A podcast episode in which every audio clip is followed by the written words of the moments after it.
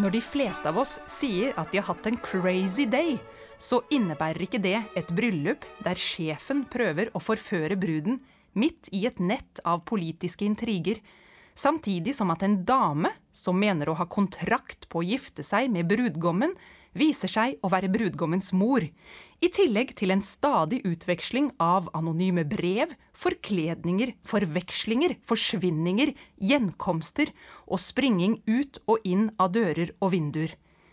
Men det er nettopp det som skjer i Figaros bryllup, eller Den gale dagen. Velkommen til introduksjon. Jeg heter Ragnhild Motsfeldt. Jeg er operasanger og var selv med da forestillingen hadde premiere i 2010 og skal nå lede dere gjennom den til tider kompliserte handlingen i Figaros bryllup. Helt siden den suksessfylte premieren i 1786 ved Burgteater i Wien har Figaro vært en av de mest framførte operaene på repertoaret. Etter min mening, sa Johannes Brahms, er hvert nummer i Figaro et mirakel. Det er meg helt hinsides hvordan noen kunne lage noe så perfekt. Ingenting som det ble noen gang gjort igjen, ikke engang av Beethoven. Da Mozart begynte å arbeide med librettisten Lorenzo da Ponte, oppsto et av operahistoriens mest fremragende samarbeid.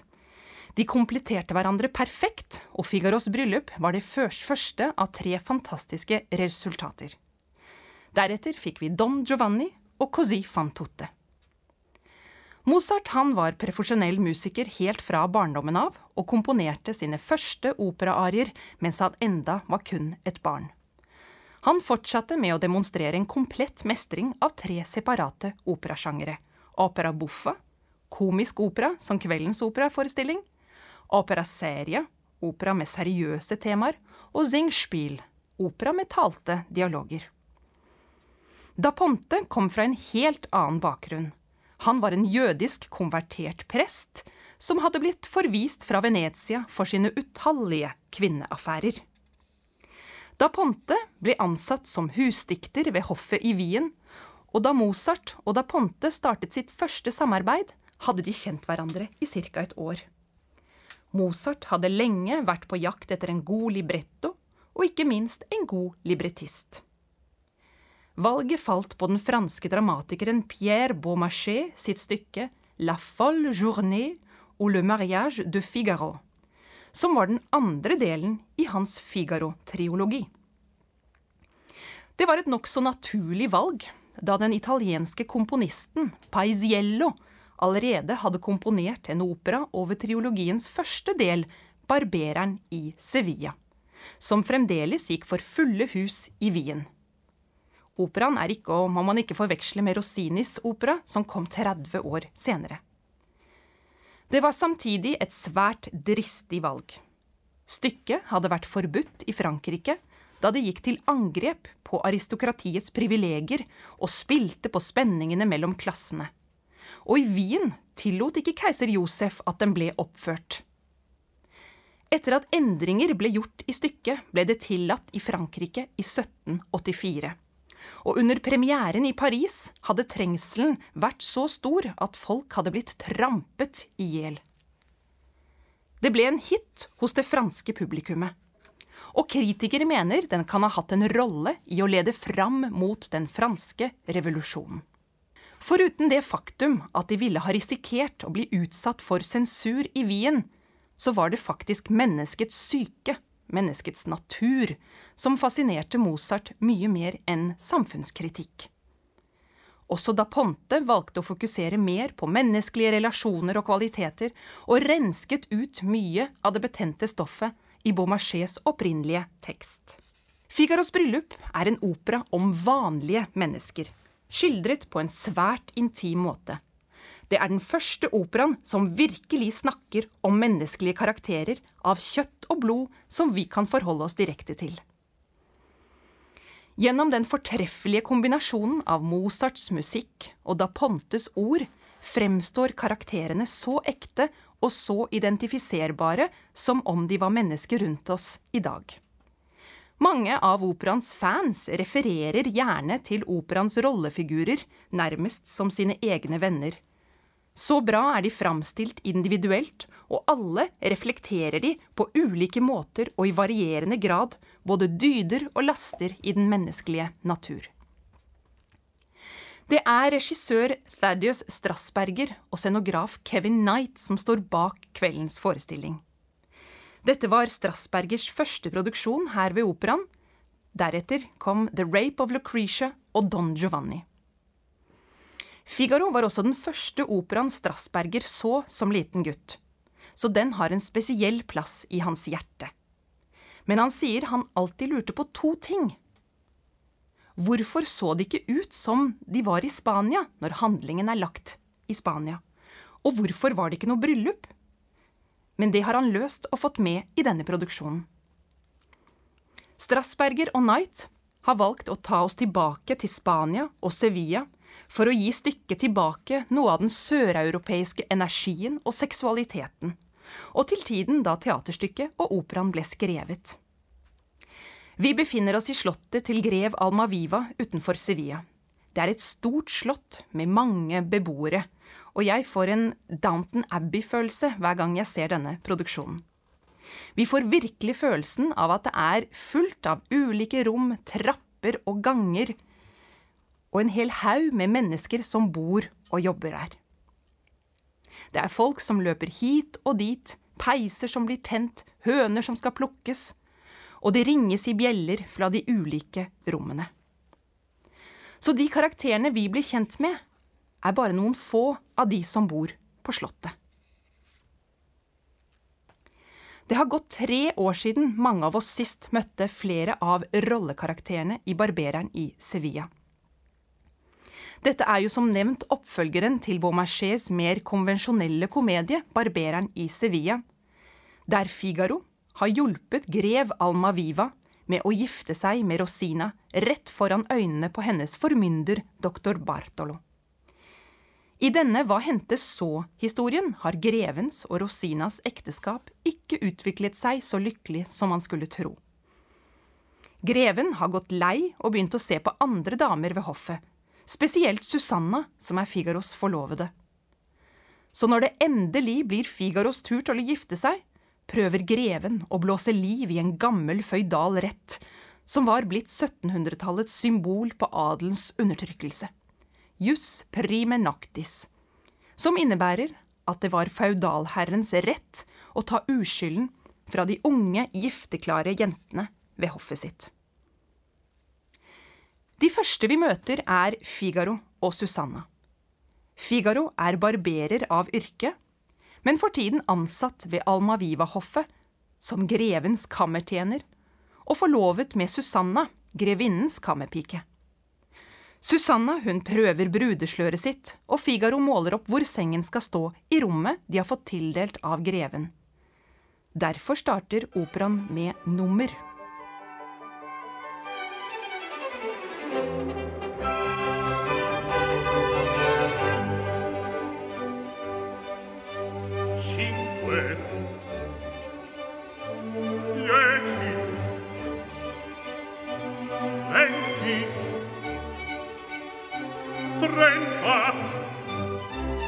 Trentasei quarantatré Ora sì che io son contenta sempre fatto in verberde sempre fatto in verberde Figaro er lett på foten. Han reagerer raskt på en situasjon og kommer som regel opp med en god løsning på situasjonen.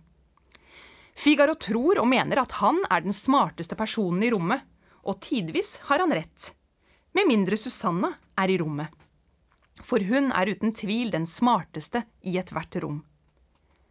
Susanna er ny for oss, og med det mener jeg at hun er ikke med i Barbereren i Sevilla. Susanna er snill, morsom, kjærlig og ærlig, og den egentlige hovedpersonen. Susanna er forresten den lengste kvinnelige operarollen i operarepertoaret, vil si rollen med flest takter å synge. Figaro mener greven har gjort en sjenerøs gest ved å gi dem et rom mellom grevens og grevinnens separate soverom. Inntil Susanna forteller ham at grevens egentlige intensjoner er å bruke rommet for å komme til henne, og at han vil gjeninnføre føydalretten som han så pent hadde avskaffet. Figaro innser at personen han faktisk trodde var hans venn, nå prøver å lure ham. Og som så mange menn lar han dette gå til hodet på seg, og lar stoltheten komme i veien for listigheten han vanligvis besitter. Samtidig har Marcellina, Bartolos tidligere husholderske, nå guvernante til greveparets tvillinger. Hun har innkalt Bartolo for å vise ham et papir som gir henne kontraktsfestet rett til å få Figaro som ektemann. Hun lånte ham noen penger for en tid siden, og hvis han ikke betalte tilbake, skulle han gifte seg med henne. Nå, på selve bryllupsdagen, har hun tenkt til å håndheve dette løftet. Dette vil selvsagt Bartol hjelpe henne med for å ta hevn på han som en gang tok fra ham sin utkårede Rosina. Greven lar ikke en sjanse gå fra seg til å ha seg med jentene ved hoffet, men han er allikevel svært sjalu ovenfor sin kone, grevinnen. Og da han overhører musikklæreren Basilio nevne til Susanna hvordan den unge parsen Kerobino ser på grevinnen, blir han rasende og vil ha unggutten sendt bort fra hoffet. Pasje var betegnelse på en ung mann, som oftest av en adelig familie som tjenestegjorde hos en greve. Så Carobino er på en måte en slags praktikant, og greven burde være hans rollemodell. Og på en måte kan man jo si at han aper etter sin mester, da han er full av ukontrollerbare hormoner og småforelsket i alle jentene ved hoffet, især grevinnen. Carobino er en bukserolle, det vil si at han synges av en dame. Greven bestemmer seg for å tilgi Cherubino og utnevner ham i stedet til offiser i hans regiment med avreise samme dag. Men Figaro har en plan, som jeg kommer tilbake til. Selv om musikklæreren Basilio ymter frampå om at slik gjør alle vakre kvinner det, og henviser til utroskap, for så vidt også tittelen på Mozart og da Pontes tredje samarbeid, Così fan tutte le belle. Så er det de to kvinnelige hovedrollene, Susanna og grevinnen, som er de trofaste i operaen. En fascinerende ting med grevinnen er at vi vet at hun eksisterer. Men vi får ikke møte henne før i andre akt. Så hele første akt går med uten at vi vet hvem hun egentlig er. Arien hun åpner andre akt med, kaster også stykket inn i en helt annen verden enn hva man kan forestille seg. Helt ubeskyttet og sårbar ber denne ensomme kvinnen kjærlighetsguden om å skjenke henne lindring for sin smerte. Gi meg min kjæreste tilbake, eller la meg dø. Musikken Mozart skrev for grevinnen er spesielt sterk og gripende nesten uten sidestykke i noen annen Mozart-opera.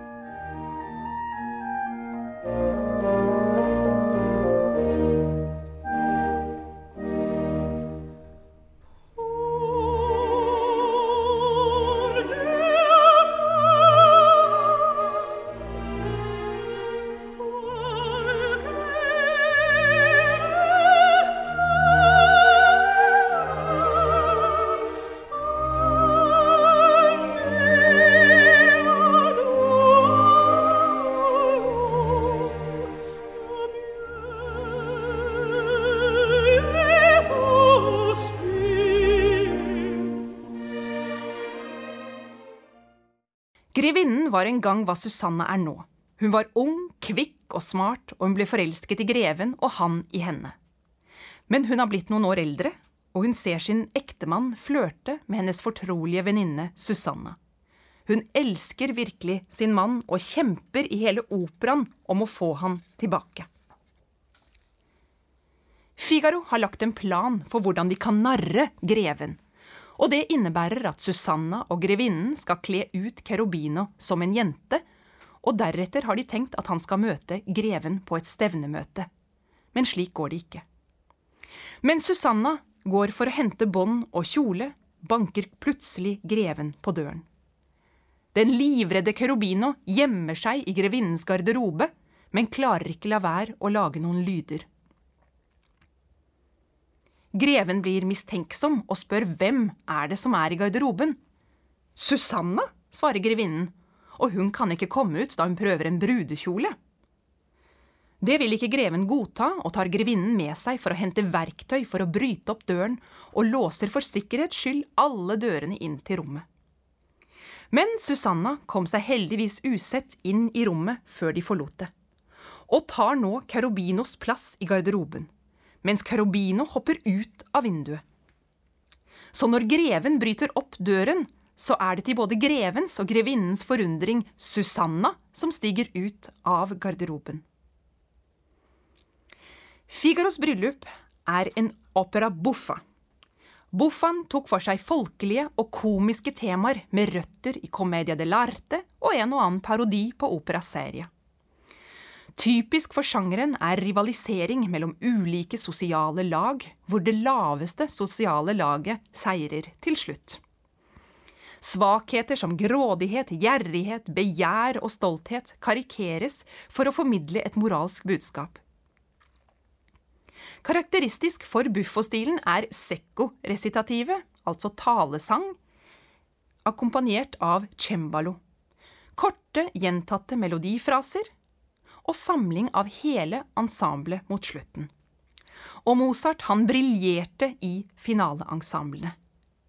Legg merke til den kjente finalen i andre akt, et av de lengste uavbrutte musikkspenn som Mozart noensinne skrev. Her bygger han sømløst opp spenningen, forvirringen og antall personer på scenen i over 20 minutter. Det starter ut med kun to personer, greven og grevinnen, da greven er på vei til å bryte opp garderoben, og det hele ender til slutt med syv personer. I tredje akt så føler greven fortsatt at det er noen som driver gjøn med han. Men han blir beroliget da Susanna går med på å møte ham i hagen senere på dagen.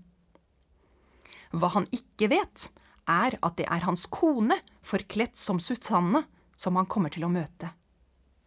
I breveduetten dikterer grevinnen et brev som forklarer hvor stevnemøtet skal finne sted. Brevet er ment å være fra Susanna, men grevinnen bretter ut all sin kjærlighet og lengsel etter sin troløse ektemann. Ved siden av pågår samtidig et rettslig møte mellom Marcellina, Bartolo, greven, Figaro og dommeren Don Curzio angående denne ekteskapskontrakten som Marcellina besitter. Det hele ender med at Marcellina innser at Figaro er hennes sønn og Bartolo hans far, for å gjøre forvirringen komplett. Grevinnen forsegler brevet med en nål og skriver på baksiden av brevet at seilet bes returneres. Så er det dekket for bryllup, hele to bryllup, Susanna og Figaro, men også Marcellina og Bartolo har funnet ut at de like gjerne kan gifte seg. Susanna overrekker deretter brevet i all hemmelighet til greven. Figaro legger merke til brevet da greven stikker seg på nålen når han putter brevet i lommen. I fjerde akt leter Barbarina, Susannas kusine, febrilsk etter noe hun har mistet. Da Figaro spør hva hun har mistet, forklarer hun at hun har mistet en nål som greven ba henne returnere til Susanna. Figaro er fra seg for han tror nå at Susanna virkelig skal ha et stevnemøte med greven i hagen. Slik kommer operaen til sitt forbausende klimaks. I ly av mørket bytter Susanna og grevinnen klær. Susanna synger om hvordan hun lengter etter grevens omfavnelse, vel vitende om at Figaro gjemmer seg like ved. Greven nærmer seg kvinnen han mener å vite er Susanna, og hans kone hører dermed hans hete kjærlighetserklæringer ment til en annen kvinne. Susanna nærmer seg Figaro forkledt som grevinnen, og i et øyeblikk så glemmer hun å forandre stemmen, slik at Figaro gjenkjenner henne. Idet de to omfavner hverandre, ser greven det han tror er sin kone omfavne hans kammertjener. Han fordømmer det skyldige paret og kaller alle til å være vitne til deres ydmykelse. Paret ber om tilgivelse, hvorpå greven svarer nei, nei, nei. Da trer grevinnen fram og sier, Så la meg i det minste få tilgivelse på deres vegne. Nå er det greven som ydmyket ber om tilgivelse. Til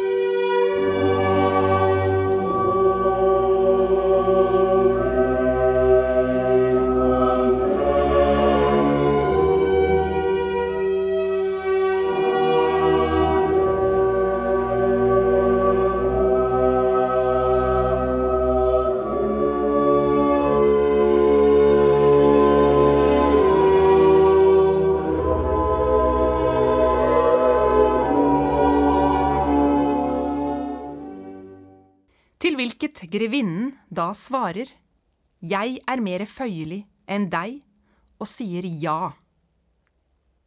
Med en nærmest koralaktig musikk komponerer Mozart denne allmenne medmenneskelighet som eneste løsning. Om greven kommer til å fortsette med sitt kvinnejag som før etter at det har gått litt tid, antagelig gjør han vel det. Men det er ikke nødvendigvis poenget. Øyeblikket da han forstår hva han har gjort, er det avgjørende poenget. Men leser man videre i Beaumarchais triologi, så tar grevinnen i hvert fall igjen, da hun der har fått barn med Cherubino i La Mer Coupable.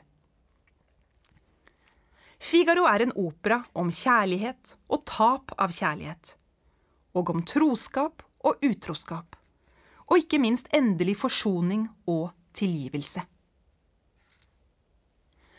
Stor musikalsk komposisjon består ofte tidens test, men det som hjelper Figaro enda mer, er de tidløse temaene om klasseulikhet, tradisjon kontra opprørskhet, sex, begjær og relasjoner.